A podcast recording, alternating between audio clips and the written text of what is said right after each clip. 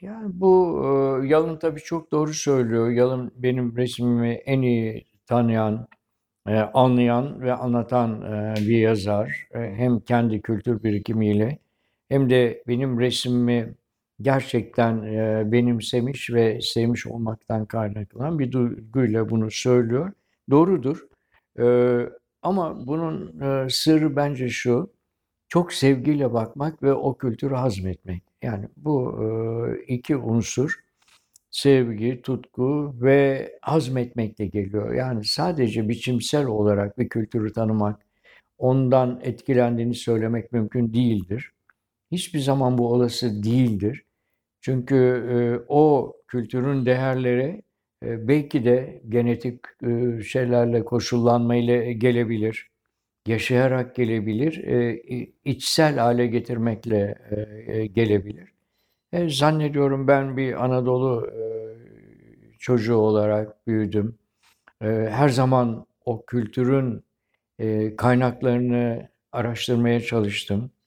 Gezdim, gördüm, okudum ve o benimle artık bütünleşmeye başladı. İnsan bu aşamaya geldikten sonra o kültürü kendisiyle bütünleşmiş gördükten sonra o ister istemez eserlerine yansır ve üstelik de çağdaş bir dünyada yaşadığımızı düşünürsek e, bu ikisinin doğal olarak birbiriyle bütünleşmesi gerekir. Ama çoğunlukla ya e, hayranlıklar, ilgiler e, işte batıya kayıyor. Bu Tanzimat'tan beri Türk resminin en büyük sorunlarından biridir. Çünkü yani 19. yüzyılın sondan itibaren 20. yüzyılın ortasına kadar Paris bir sanat merkezi, cenneti ve sadece Türkiye'den değil, bütün dünyadan e, Paris'e gidenler mutlaka etkileniyorlar ve uzun bir süre hatta şimdi de öyle e, şimdi her ne kadar sanat merkezi başka yerlere zamanla New York'a kaydı, Avrupa'da yer yer işte Münih oldu, Berlin oldu, Madrid oldu. Şimdilerde işte Çin'e kaymış durumda.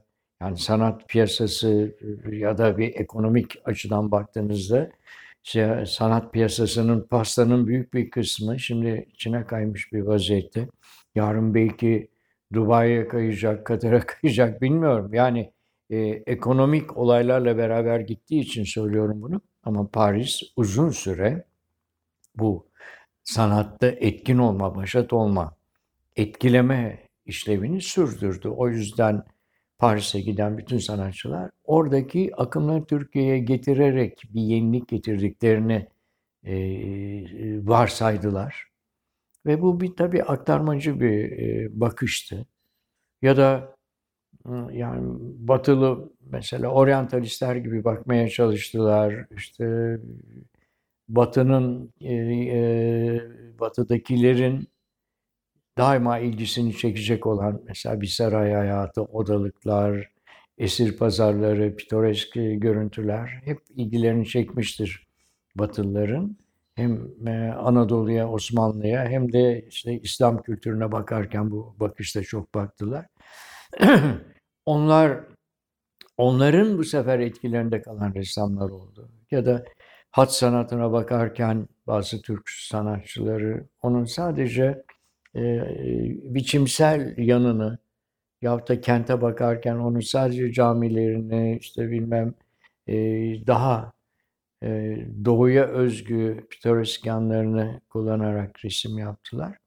Bence içselleştirmedikten sonra bir kültür yaşamına girmedikten, sevgiyle yorulmadıktan ve kendi yaşadığı dünyanın farkına varmadan kendi içine kapanıp yapılan resimler inandırıcı olmaz, samimi olmaz ve etkilemez.